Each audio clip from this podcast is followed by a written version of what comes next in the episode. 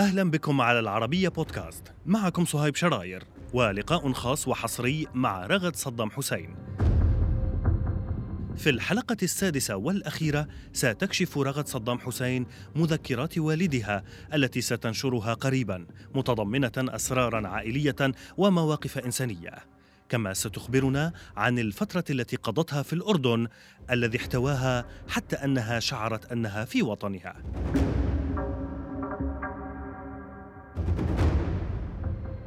ست رغد أهلا بك معنا مرة بك. أخرى. تستعدين لإطلاق مذكراتك أو نشر هذه المذكرات نعم. عن حياتك وعن علاقتك بوالدك. لماذا الآن ستنشرين هذه المذكرات؟ وما الذي تحمله من من جديد؟ الجديد اللي تحمله اللي أنتم ما تعرفوه. العلاقة العائلية. تفاصيل إنسانية كثيرة. قد تكون قسم منها صعبة. وأكيد هاي مرحلة حكم طويلة أكيد تخللتها صعوبات. أحداث عشتها بالحروب بالاحتلال قبل الاحتلال. ذك- ذكرتها بالكتاب. لماذا الآن؟ حسيت روحي مستعدة هسه لهذا الموضوع. بس. نعم. تتوقعين أن يكون هناك إقبال على قراءة آه، هذه المذكرات؟ نعم. لماذا؟ لأن الناس عندها حب وفضول تجاه هذه العائلة. تريد تشوف شلون كانت عايشة؟ شلون مرت عليهم السنين؟ فالكتاب أعتقد نعم. راح يلاقي إقبال. نعم. نعم. آه، ست رغد آه، ابنتك حرير هي حفيدة صدام حسين وابنة حسين كامل. أصدرت قبل فترة كذلك مذكرات حفيدة صدام حسين. هناك من قال أنه أصلا هذه مذكرات رغد ولكن تم إصدارها باسم الحفيدة. أو ابنتك حرير. ما مدى صحة هذا؟ راح أحكي لك قصة المذكرات بشكل سريع. تفضل. في أحد الأيام بزيارات حرير للأردن قالت لي ماما أنا دا أكتب مذكرات. وهي لأول مرة راح تسمع هاي التفاصيل. بيني وبين حالي شوية قلقت بس ما ردت يعني أنا ربيتهم أنه تكون ثقتهم عالية بالله سبحانه وتعالى بنفسهم. ما ردت أكسر ثقتها بنفسها. مهم. تفاجأت جاوبتها قلت لها أني أثق بيك ثقة كبيرة. وأني أعرف إيش ربيت.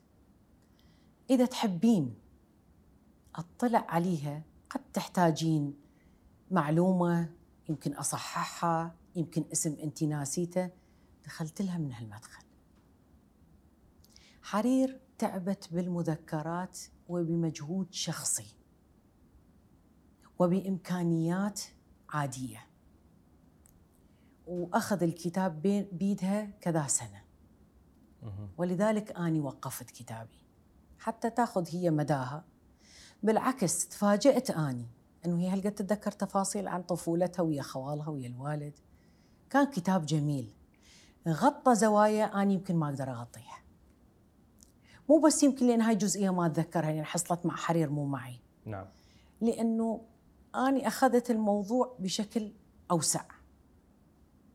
ممكن أخذته من ناحية سياسية من ناحية عائلية أشياء مهمة لكن ليس أسرار. أسرار عائلتي ما تطلع من خلالي اطلاقا تحت أي ظرف. نعم. فالكتاب كتاب حرير جملة وتفصيلا. هل مارستي نوع من الرقابة على ما ورد في مذكرات حرير إذا صلحتي لها مثلا أشياء أو حذفتي آه، أشياء كانت قد كتبتها؟ بعد أن أنجزت الكتاب.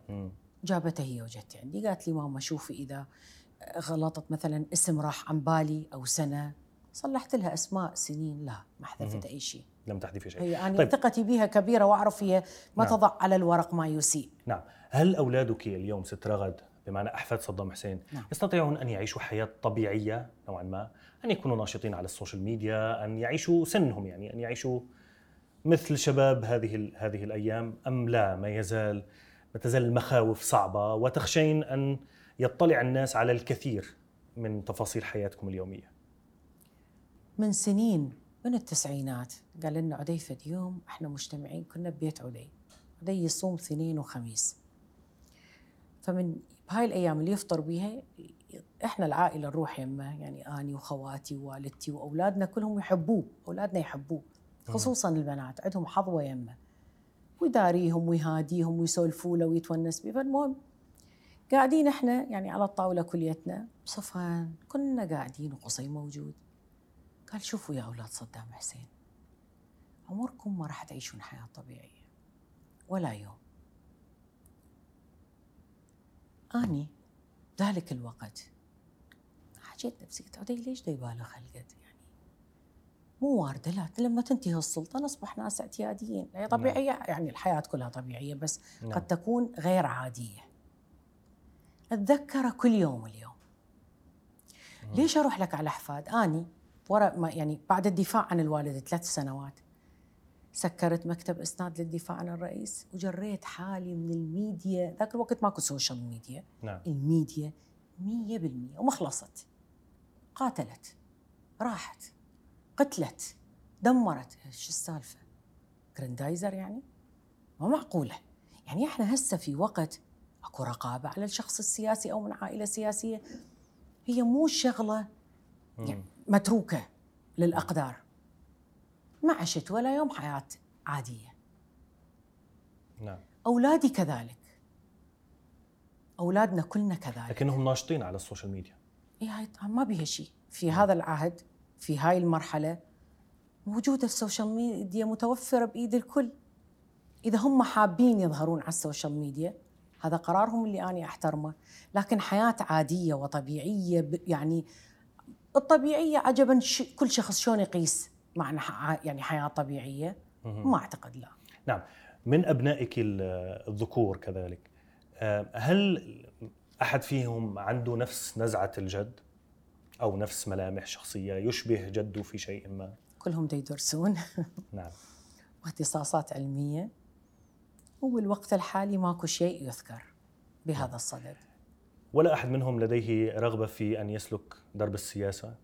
أجبتك في هذا الوقت؟ هم طلاب. ما عندي شيء اضيفه على هاي النقطة. نعم. طيب آه، الحديث عن آه، ال social media والإعلام الجديد آه، حضرتك كما تفضلتي عندك حساب على تويتر. نعم. ليس لديك حسابات أخرى أبداً. ولكن هناك الكثير من الحسابات باسمك. كثير. نعم. لماذا لجأت إلى وسائل التواصل الاجتماعي؟ علما بأن يعني الإعلام آه، التلفزيون والصحافة وإلى ذلك يعني يمكن أن يكون منبرا لك في أي وقت. التويتر شيء تابع إلي. لما عندنا خبر أو تعزية أو معايدة أو مباركة أو أي حدث على الساحة العراقية أو أحيانا قليل غير العراقية أذكرها على الصفحة اللي تخصني. نعم. الإعلام مو كل يوم يعني أتوجه للإعلام أحكي. فنكتب بيها. وصارت الناس على الأقل لما تريد تعرف خبر صحيح تلجأ إلى هاي الصفحة.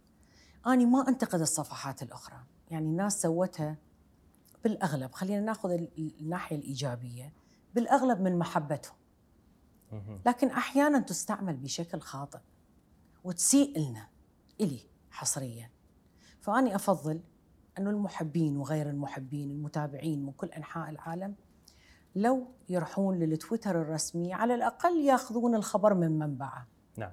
عندما نتحدث عن ال social media نتحدث على منبر لكل الناس تستطيع أن تقول أي شخص يستطيع أن يقول ما يشاء. وذكرت أنك أنت من أخذت الكثير من جينات والدك صدام حسين. تتقبلين عندما تقرأين تعليقات سلبية هجوم أحيانا ربما أبعد من ذلك؟ هل تتقبلين أن يهاجمك شخص حتى لو كان افتراضيا على وسائل التواصل الاجتماعي؟ أنت ابنة صدام حسين. أنا مكلفه أكثر من شخص. ينطيني الأشياء المهمة.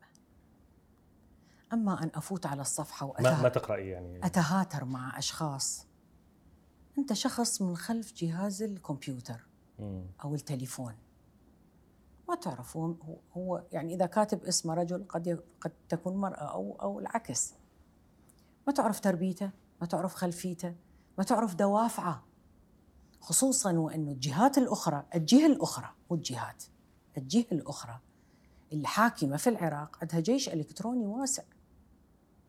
قد تسلط أفراد أشخاص وقد لا فرضية أفترضها. فلا ما أفوت ولا أقرأ. لما شيء مهم يوصلني.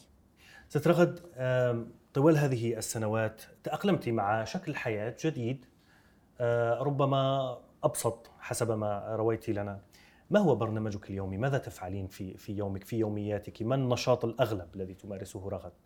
أنا قلت لحضرتك لو اليوم ممكن يطول عن ال 24 ساعة يخدمني أكثر عندي مسؤولياتي العائلية نعم. عندي التزامات اجتماعية عندي مسؤوليات البيت نفسه يعني بيتي ومسؤوليات أخرى فوالله يومي يا دوب يكفيني تتواصلين متنوع. وتز... نعم وتزورين نعم. باقي أفراد الأسرة يعني السيدة الوالدة عندي أختي ووالدتي نعم. يعني آه، والدتي آه، أزورها وأختي وياي بالأردن نعم بق- بقية أفراد العائلة هل لديكم تواصل معهم؟ من تقصد بقية أفراد العائلة عائلتك ال- الأكبر الأكبر نعم يعني من تبقى منهم؟ عمه خالة نعم لما تكون أكو حدث معين أشوفهم أشوفهم. أنا علاقتي عم باحدى عماتي قوية جدا. توفت راحت الدار حقها وهي ساكنة معي بالأردن. الآخرين أشوفهم بسنين بعيدة جدا.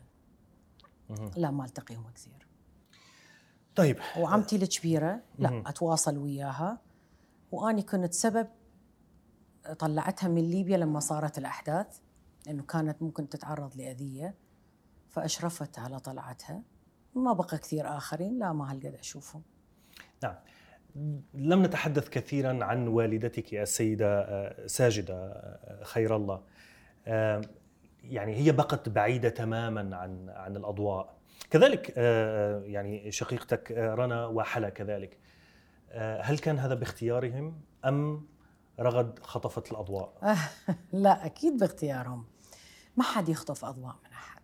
مم. الحياة أدوار ورفوف. كل شخص عنده رف بهذه الحياة يضع نفسه عليه. البنات تعبوا كثير وشافوا كثير. هاي العائلة من أقول لك هاي العائلة أحكي عن والدي والدتي وإحنا الخمسة. الآخرين كل من يحكي عن حاله. هاي العائلة شافت كثير. ومسؤولياتهم كبيرة تجاه أولادهم. كلهم عندهم عوائل وعندهم أولاد. فهم مشغولين بعوائلهم.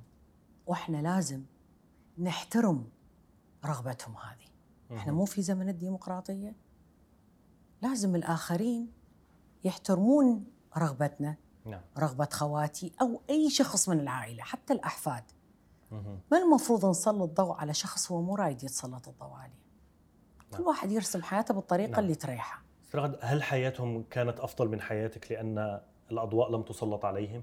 كلهم كانت حياتهم مو سهلة مم. أصعبهم قد تكون آني آه. صحيح لكن كلهم تعبوا كثير. يعني الناس تركوهم في حالهم كما نقول بالعامية؟ مو مية بالمية بس يعني بنسبة يعني قد تكون لا بأس بها. نعم تعتبرين أنه الأضواء سلطت عليك أو الضغوط التي تعرضت لها لأنك ابنة صدام حسين دعينا نقول أقرب إليه؟ أم لأنك انبريت للدفاع عنه وشكلت لجنة من المحامين في قضية محاكمته؟ تقصد الضغوط الانتربول صحيح؟ مم. نعم. الانتربول خواتي الاثنين ما طلبوا بالانتربول. انطلبت والدتي شكليا وبعد أشهر قليله انتهى الموضوع. أنا اللي انطلبت بالانتربول واستمر الموضوع من 2006 استمر سنين طويلة جدا. ف هاي الضغوطات اللي أنا تعرضت لها. هم يعرفون أنه عنده يعني بنات اثنين لو يردون يضعوهم بنفس ال- ال- الحالة وكانوا وضعوهم لا أنا الوحيدة اللي انحطيت تحت هذا الضغط نعم. علاقتك بال والحمد نعم. لله إنهم ما اختاروا ان يضايقوا خواتي الاثنين لأنه اللي شافوه خواتي يكفي. ما نحتاج بعد ضغوطات أخرى. اللي شافوه من من بالضبط. من كل المراحل بالحياة. من الحياة. يعني رنا من ال 95 حالها حالي بالتعب وبالظروف اللي مريت بيها. نعم. حلا سجن زوجها وفقدت أبوها وأخوتها بعد الاحتلال فاللي شافوه مو قليل.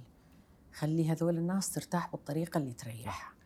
استرغد تتحدثين كثيرا عن الوالد عن صدام حسين لكن لا تتحدثين كثيرا عن الوالدة سيدة ساجدة. لماذا؟ لأنه الوالدة لا زالت موجودة الله ينطيها العمر والصحة. وإلها خصوصية عالية. وهاي المرأة مو اعتيادية هاي أم عدي وقصي ومرة الرئيس صدام. مو وارد أنه نطرح اسمها كل شوي. ومرأة لم تعد صغيرة بالعمر وتريد ترتاح وإطلاقا ما نضعها في حوارنا ولا نزعجها ولا نذكر أي شيء يخصها. سأحترم هذه الرغبة ولكن شكرا. فقط في شيء تفصيل ذكرته كذلك أنه هي آه، آه، آه، صدام حسين كان لا يسميها بأم عدي يسميها باسمها. على الأغلب. أنت أخذت نفس القصة بمعنى لا تسمين بأم علي؟ أصدقائي يصحوني رغد. ويسموك رغد باسمك ما يصحوني أم علي بالتعامل الرسمي لا أفضل الأم علي. للحفاظ على الحالة الرسمية لكن بالمجمل بال يعني على الصعيد اليومي لا لا رغد نعم. والدي قليل جدا يسمي والدتي أم عدي بس بالحالات الرسمية نعم. يقول أم عدي بس بيناتنا إحنا كأسرة أخوته خواته من موجودين بالمناسبات هم يجون اطلاقا يقول ساجدة نعم. قليل يقول أم عدي نصل هنا إلى قراءة أو نظرة رغد صدام حسين للمستقبل. مستقبل العراق مستقبل المنطقة. كيف ترين المستقبل؟ ما هو ما هو آت بعد كل الذي عايشتيه وكل الذي رويته لنا الليلة؟ الإرهاصات الكثيرة اللي مرت بها المنطقة كلها تقريبا بدون استثناء تفرز أحداث جديدة بهذه السنة أو قد تكون بالسنين القادمة الله أعلم. هذا في علم الغيب. بس قطعا تفرز أشياء جديدة. البعض سيكون منها إيجابي ومثل ما نتمنى ونطمح له والبعض الآخر قد لا يكون إيجابي. الله أعلم. لكن أتمنى وأدعو الله سبحانه وتعالى أن ينعم على المنطقة ككل بالرخاء والراحة والاستقرار. لأنه استقرار أي منهم أي كان هو استقراري واستقرار بلدي. فهذا الشيء اللي أتمناه ست رغد أه، أطلنا عليك كثيرا ولكن في ختام هذه المقابلة أريد أن أه، أدعك ربما تريدين قول شيء أو تردين على سؤال لم أطرحه في هذه المقابلة. هل لديك شيء ما أردت المرور عليه؟ ربما سهيت لم لم آتي على ذكره. نعم. تفضلي. إحنا طول السنين سألتني حضرتك منو ملتزمة؟ قلت لك أخوتنا العرب. الدور الأول بالنسبة إلي كان الأردنيين. الأردن احتضني طول هاي السنين. لما ما أتطرق كثير لهذا الموضوع حفاظا على خصوصيات البلد. موقفهم كبير معي. الإنتربول كذا مرة طالب بي قالوا أنه رغد بضيافة جلالة الملك ورغد تحت المجهر. وإحنا نعرف بكل صغيرة وكبيرة وهذا الكلام ما له صحة. كدولة كحكومة كملك كشعب كانوا من أروع ما يمكن الأردنيين. الأردنيين يعني عندي مواقف لو أريد أسردها من كثرتها قد ما أتذكر الكثير. إلى الدرجة اللي أني ما حسيت يوم بالغربة. في الأردن؟ في الأردن. الأردنيين بكيفك ش... يعني شنو تريد أعدد؟ من جابونا من سوريا من نزلونا ببيت الملك حسين الله يرحمه. احتوائهم إلنا طيل هاي السنوات. أنا بيتي بالأردن بيت الدولة لا زلت ساكنته. أولادي كبروا واللي تزوج منهم زوجتهم بالأردن. إذا ما أكون وفية لحالة ولمكان الحامي رب العالمين. لكن عبادة اللي كنت في معيتها يعني كانوا رائعين. إذا كل هذا ما يكفي أنه يكون إلي ولاء وحب للأردن وامتنان العاد يعني لازم ما حد يثق بي مو فقط للأردن كل الناس اللي كانت عندها مواقف وياي جميلة الأردنيين. أولا لأن معي وكل أخوتنا العرب اللي أصحاب مواقف وياي يعني ممتنة لهم وشاكرة على مواقفهم. نعم. من تعتبين عليهم؟ ما مصدر العتب كذلك؟ العتب على الأخوة ما يكون أمام الآخرين. أعي ذلك؟ نعم. فلن أعتب عليهم على الملأ. هم يفهمون أختهم؟ وأني أفهم رسالتي اللي بعثت لهم وأكتفي بهذا القدر. شكرا جزيلا لك على تلبية دعوتنا وعلى الإجابة على هذا الكم من الأسئلة. أنا شاكرة للقاء الجميل ولكل التفاصيل الجميلة اللي تخللت هذا اللقاء. أشكركم. ونلتقي في فرص أخرى. إلى اللقاء.